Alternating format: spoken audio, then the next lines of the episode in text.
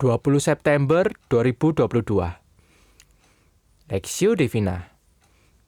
Esther pasal 3 ayat 1 sampai 15 Sesudah peristiwa-peristiwa ini maka Haman bin Hamadeta orang Agak dikaruniailah kesabaran oleh Raja Ahasiweros dan pangkatnya dinaikkan serta kedudukannya ditetapkan di atas semua pembesar yang ada di hadapan Baginda.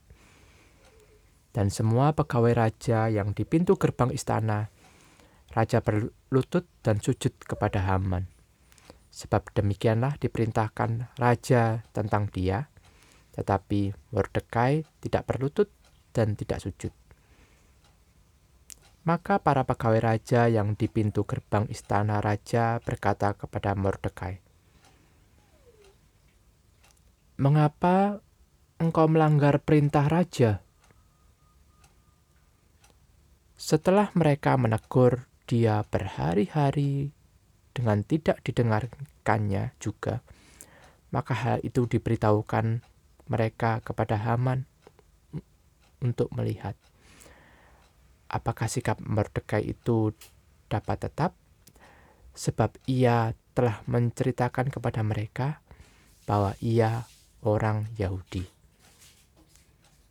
Ketika Haman melihat bahwa Mordekai tidak berlutut dan sujud kepadanya, maka sangat panaslah hati Haman.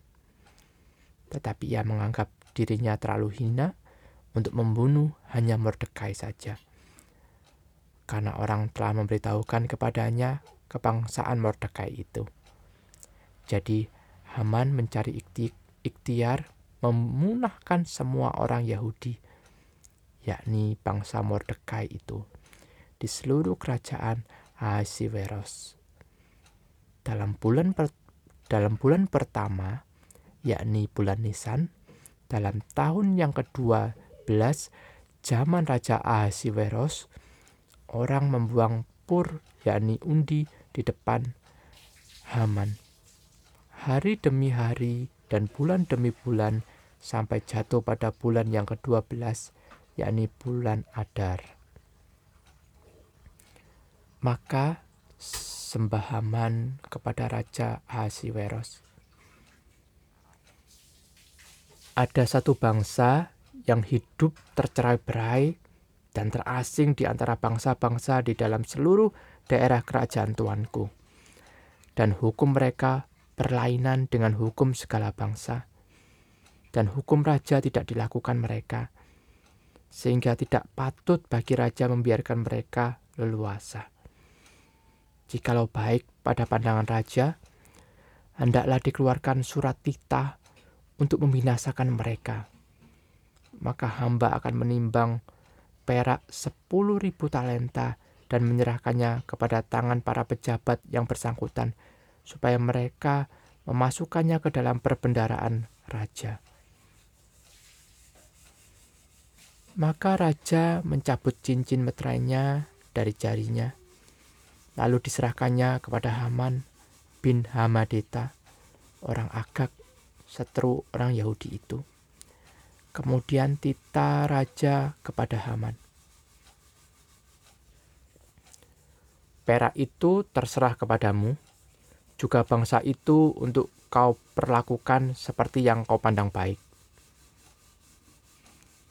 Maka dalam bulan yang pertama, pada hari yang ke-13, dipanggillah para panitera raja, lalu sesuai dengan segala yang diperintahkan Haman, ditulislah surat kepada wakil-wakil raja, kepada setiap bupati yang menguasai daerah, dan kepada setiap pembesar bangsa, yakni kepada tiap-tiap daerah menurut tulisannya, dan kepada tiap-tiap bangsa menurut bahasanya. Surat itu ditulis atas nama Raja Ahasiweros dan dimetrai dengan cincin metrai raja. Surat-surat itu dikirimkan dengan perantaraan pesuruh-pesuruh cepat ke segala daerah kerajaan, supaya dipunahkan, dibunuh, dan dibinasakan semua orang Yahudi daripada yang muda sampai kepada yang tua.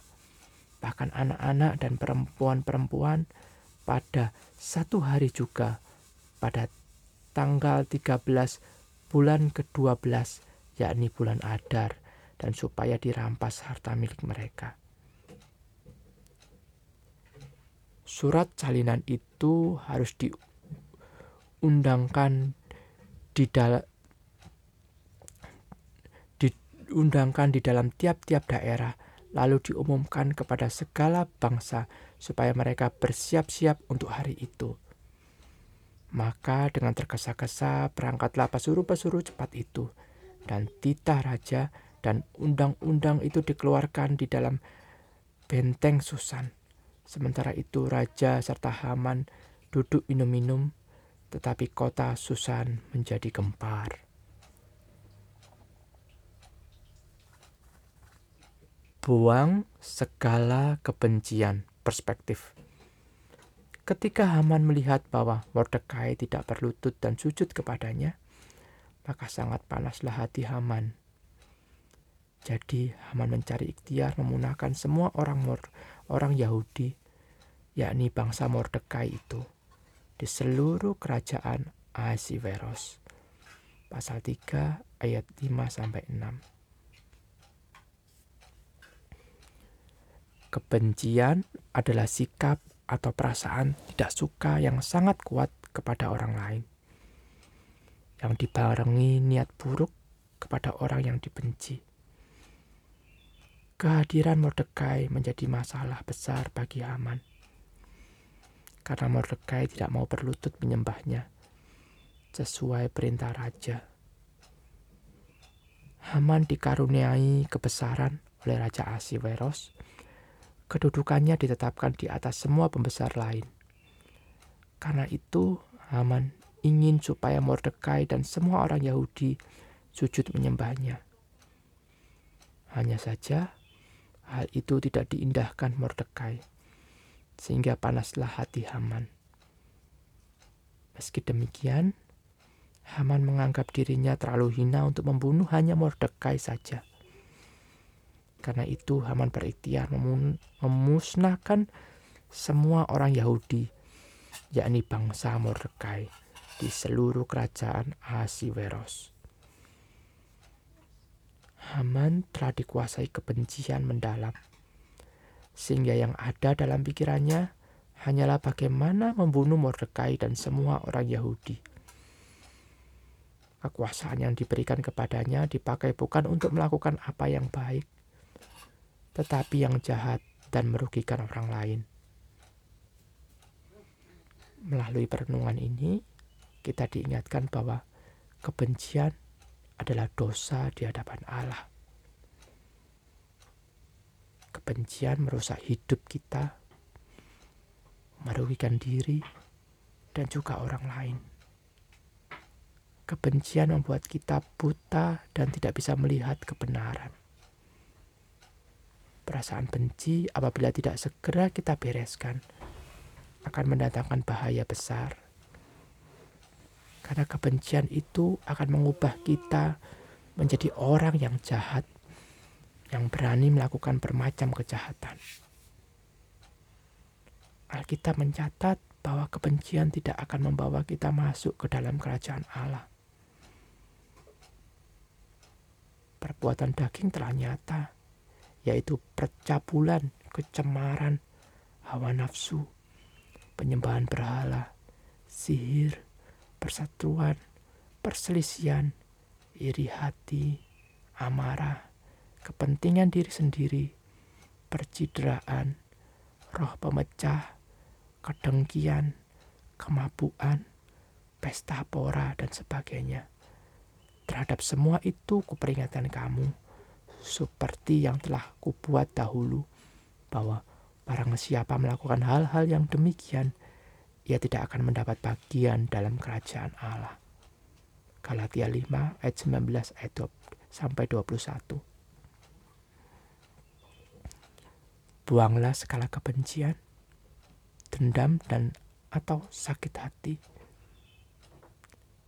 Hiduplah saling mengasihi itulah yang benar dan berkenan di hadapan Tuhan.